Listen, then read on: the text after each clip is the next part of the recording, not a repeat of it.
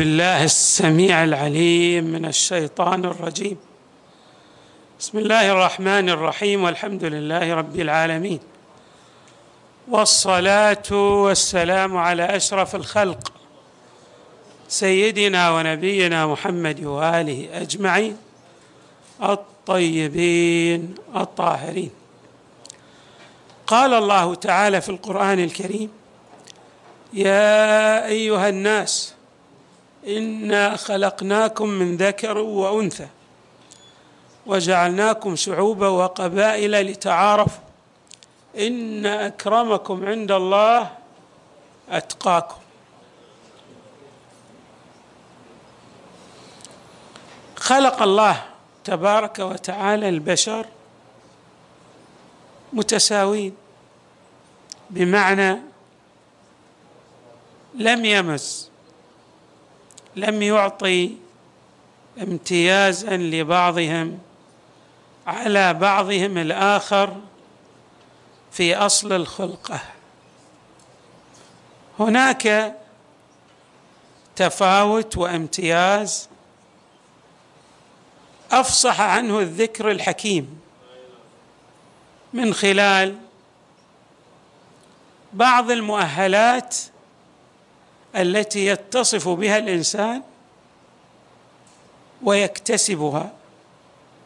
كالعلم يرفع الله الذين آمنوا منكم والذين أوتوا العلم درجات. وكذلك المهارة العملية في تطبيق الأحكام الإلهية. والسير على جادة الصواب والذي نعبر عنها بتقوى الله تبارك وتعالى. وقد أفصح الذكر الحكيم بأن من جسد هذه التقوى بأعلى درجاتها فهو الأفضل والأكمل والأقرب إلى الله. والأكرم على الله. إن أكرمكم عند الله أتقاكم. غير أن الموازين عند البشر موازين مصطنعة تنتمي تارة إلى العرق وأخرى إلى القبيلة. وثالثة إلى لون البشرة ورابعه إلى اختلاف المذاهب. كما نجد مثلا في أتباع الدين الإسلامي. تجد أن أصحاب كل مذهب يوجدون التفرقه بينهم وبين من يختلف وإياهم مذهبيا. وهناك أيضا فارق ممكن أن نسميه الفارق على أساس المكان بمعنى أن هذا الإنسان يولد في البلد الفلاني أو في القارة الفلانية ويرى أصحاب ذلك البلد بأنهم هم الأفضل و وهم الذين يتمتعون بالمستوى الأكمل في النواحي الإنسانية إذا صح التعبير.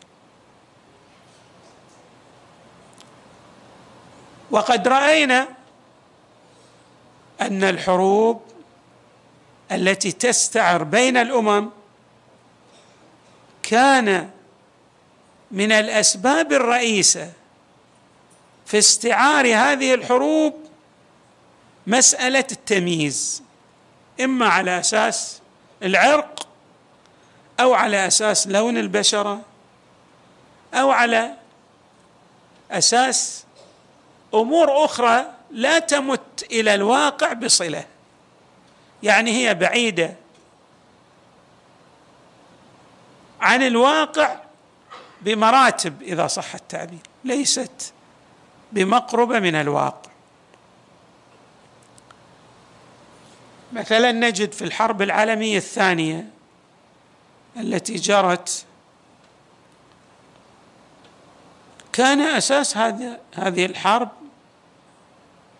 إذا أردنا أن نبحث عن بعض الأسس الهامة هي أن الألمان يعتقدون بأن العرق الآري أو بمعنى أن هذا العرق هو له السيادة على البشرية.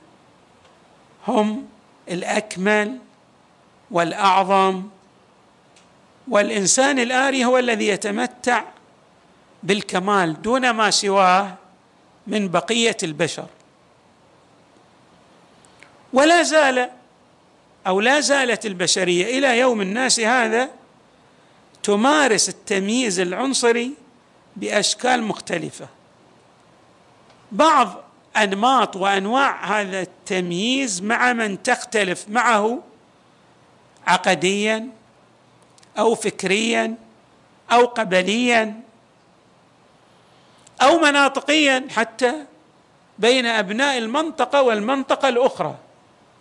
يمارس أهل هذه المنطقة تمييزا ضد أصحاب تلك المنطقة الأخرى ويرون أنهم هم الأفضل والأحسن والأكمل وما إلى ذلك من صفات الكمال التي يسبغونها على أنفسهم. والحال كما يقول أمير المؤمنين الناس صنفان إما أخ لك في الدين أو نظير لك في الخلق.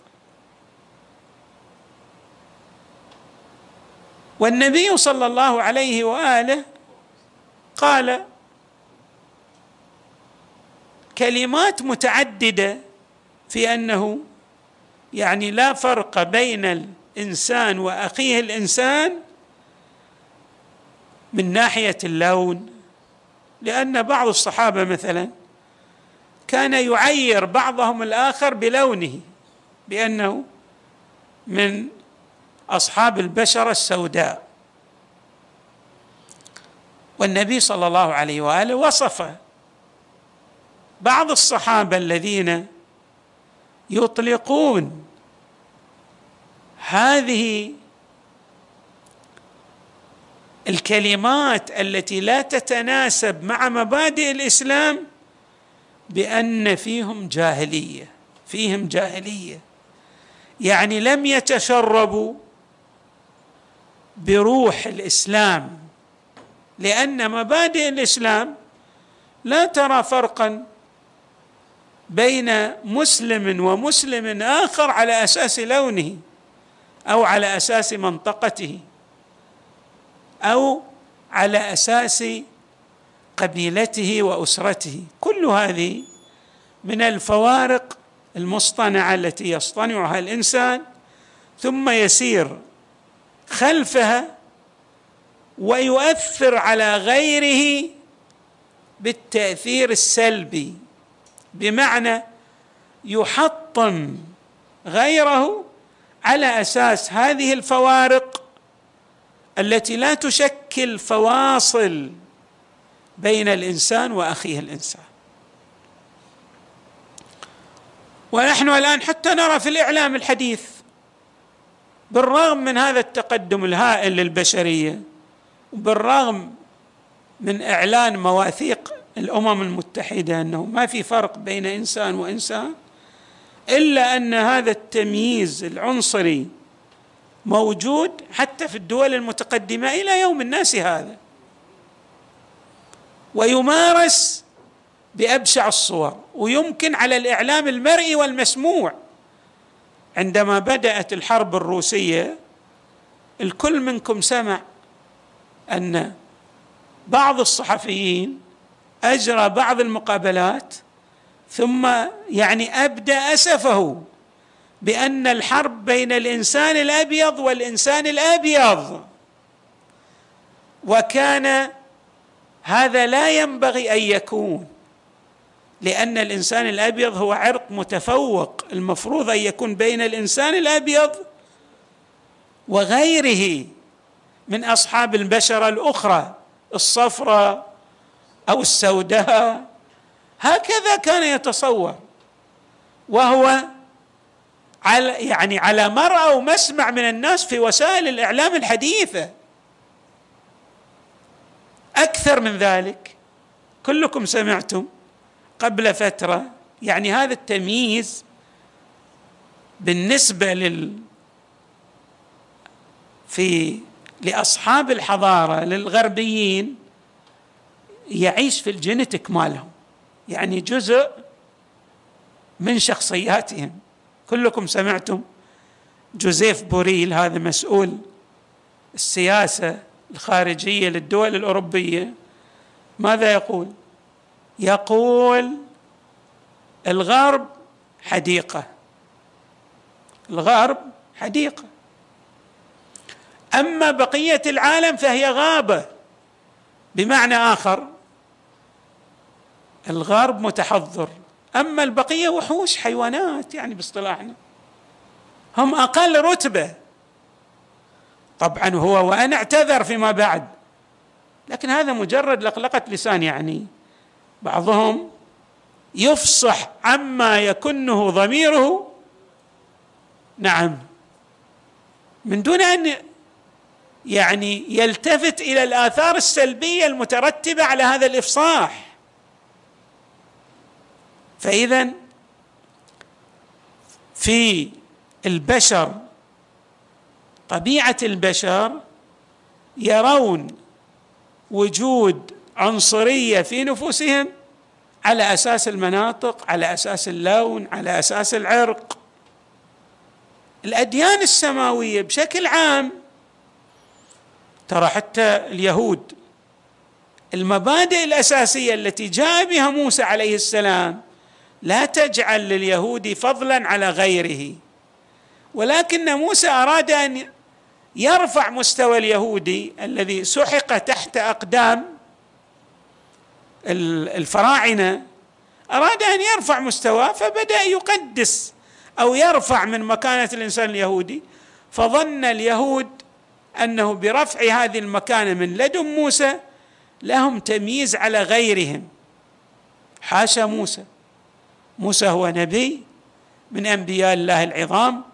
لا يمكن أن يميز بين إنسان أو بين الإنسان وأخيه. الإنسان إلا على وفق الموازين الإلهية. اذا هذه الموائز التي تشكل عنصرية بغيضة هي من صنع البشر. وقد كان لها آثار سلبية وعواقب وخيمة على البشرية قديما وحديثا إلى يوم الناس هذا. طبعا الأنبياء والرسل حاولوا جاهدين أن يصححوا هذا المسار غير الجيد. المسار الذي يسير عليه الإنسان بضيق أفقه ويدعو إلى التفرقة بين الإنسان وأخيه الإنسان على أساس اللون أو العرق أو على أساس مثلا الجنس هذا ذكر وأنثى وذاك أنثى. الأديان السماوية ترى أن الجنس البشري هو جنس متساوي. الله خلقه ويريد من أي إنسان أن يصل إلى كماله من خلال ماذا؟ من خلال العمل بطاعة الله والقرب من الله واصطناع المعروف والخير والإحسان إلى غيره من بني جنسه. وإحنا رأينا إمامنا أمير المؤمنين أمير المؤمنين عليه السلام عندما رأى أحد النصارى هذا نصراني كان في الكوفة فأصبح هرما فكان يستجدي الناس من أجل لقمة عيشه. فسأل عنه علي عليه السلام. قال يعني لماذا هذا يستجدي؟ فأجابوه هذا كان يشتغل لكن لما هرم شاب ما يقدر يمارس العمل الإمام أمر أن يصرف له راتبا من بيت مال المسلمين. يعني قال هذا حاله حال الشيبة من المسلمين. لماذا يستجدي الناس؟ وهو قد خدم المجتمع يعني له باصطلاحنا الحديث له حق المواطنة. بغض النظر عن انتمائه الديني ككونه من أتباع المسيح لأن المسألة لا ترجع إلى الانتماء الديني وإنما إلى الضوابط والأطر الإنسانية التي ينبغي أن يسير المجتمع بكل أطيافه على ضوئها. اللي في العصر الحديث يعني بعض الدول في الحقيقة تنبهت إلى ذلك فأصبحت تدعو إلى المواطنة بدل التفرقة على أسس أخرى. وفعلا الناس يختلفون. يعني مثلا إذا جئنا إلى الناحية المذهبية قد يرى أصحاب هذا المذهب إنهم هم الأحق والأفضل من غيرهم وبالتالي قد يمارسوا ظلما في حق من يختلف معهم مذهبيا كما هو مشاهد.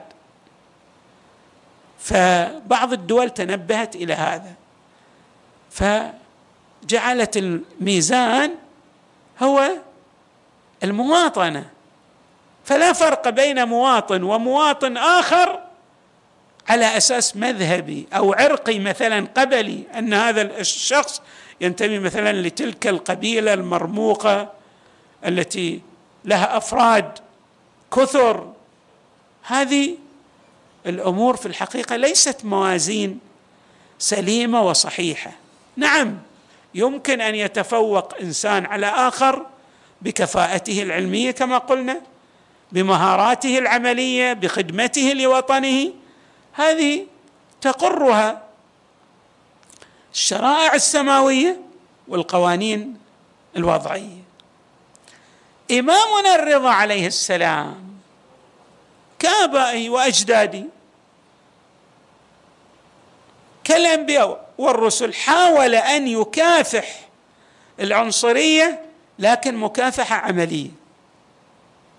انظروا إلى بعض الأعمال التي قام بها الإمام الرضا من الناحية العملية في مكافحة العنصرية وهذا التفاوت الطبقي الذي كان يرى مثلا بعض الناس أنهم أفضل من بعضهم الآخر على أساس وجود فوارق كما قلنا هي فوارق مصطنعة وزائفة وليست بحقيقية. ها هناك رواية مثلا تقول إن الرضا عليه السلام في سفره إلى خراسان دعا يوما بمائدة فجمع عليها مواليه من السودان يعني كان هناك رق طبعا في العالم الإسلامي قديما والإسلام أراد أن يتخلص منه بشكل تدريجي لكن كان موجود. مواليه من السودان وغيرهم. فقال له أحد أصحابه جعلت فداك لو عزلت هؤلاء أو لو عزلت لهؤلاء مائدة. فقال الإمام الرضا لهذا الذي يدعوه إلى التفرقة بين الإنسان وأخيه الإنسان على أساس اللون. قال الإمام الرضا عليه السلام ما؟ ما؟ إن الرب تبارك وتعالى واحد والأم واحدة والأب واحد والجزاء بالأعمال. يعني الجزاء مو على أساس اللون. أنا أكافئ عندما آتي يوم القيامة لأن لي البشرة مثلا الحمراء أو البيضاء أو الصفراء. وذاك يعاقب لأن بشرته سوداء مثلا. هذا ميزان ليس بسديد وليس بصحيح. إن أكرمكم عند الله أتقاكم. أكثر من ذلك نحن نقرأ في سيرة النبي صلى الله عليه وآله إنه ما كان يميز نفسه في جلسته بين أصحابه. وهكذا بقية الأئمة. الإمام الرضا له موقف جميل جدا. إمام الرضا ذات مرة دخل الحمام. نحن نعرف في الأزمنة السابقة ما كانت هناك حمامات في البيوت مثل هالزمن. الآن ارتقت يعني ارتقى الوضع الاقتصادي للبشرية جمعاء فأصبحت هناك حمامات في البيوت. أول هناك حمامات عامة. فالإنسان إذا مثلا أراد أن يغتسل يذهب إلى هذا الحمام العام. مثل الحمامات اللي الآن موجودة مثل الحمامات المغربية التي فيها سونه وفيها كذا. هذه كانت بهذه المثابة بس طبعا أقل إمكانات ويذهب إليها الناس خصوصا في المدن الكبيرة. إمام الرضا في ذات يوم دخل الحمام هذا. وفي عادة في الحمامات هذه الكبيرة إذا رأيت إنسان تدعو لي آه، يقوم لك بنحو من الخدمة أو المساعدة. فجاء شخص من الذين دخلوا الحمام فطلب من الإمام الرضا أن يدك أن يدلكه. يعني أن يفرك بدنه مثل ما نعبر. طيب الإمام الرضا الآن. في مقام الإمامة وإمامة الإمام الرضا بعد مو إمامة مصطنعة هي إمامة إلهية. الله جعله خليفة وإماما على البشرية جمعاء. ولكن الإمام الرضا عليه السلام استجاب بأريحية وبدأ يدلك في جسم ذلك الذي طلب منه. دخل شخص يعرف الرضا قال له قال له تعرف هذا اللي يدلك بدنك؟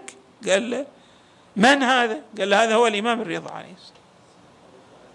الامام الرضا عليه السلام. فهذه شوية يعني تأثر. فطلب من الإمام أن يكف بس الإمام ما قبل. قال له لا لابد أن أكمل تدليك بدنك انظروا إلى هذه الأريحية في تعامل الإمام مع الطيف المتعدد من الناس ومع البقية من الناس. ما وهكذا حال الإمام زين العابدين عليه السلام. كان يذهب مع قوافل الحجيج دون أن يعرفوا لماذا؟ ليقدم لهم الخدمة في الطريق وأيضا في المشاعر دون أن يعرف. يعني شو يقدم لهم؟ هناك يجيب لهم الماء يغسل ملابسهم. هذا الخدمة للحجيج. اذا الأئمة من أهل البيت عليهم السلام كانوا يمارسون مكافحة العنصرية من خلال تواضعهم ومن خلال اندماجهم مع الناس ومن خلال عدم إظهار شخصياتهم بأنهم هم مثلا لا أفضل من بقية الناس وينبغي أن يتحول الناس بالنسبة إليهم كعبيد أرقاء.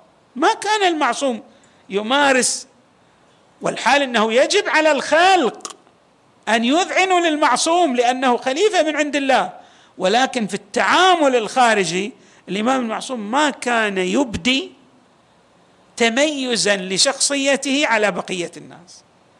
وكان الإمام يريد ماذا؟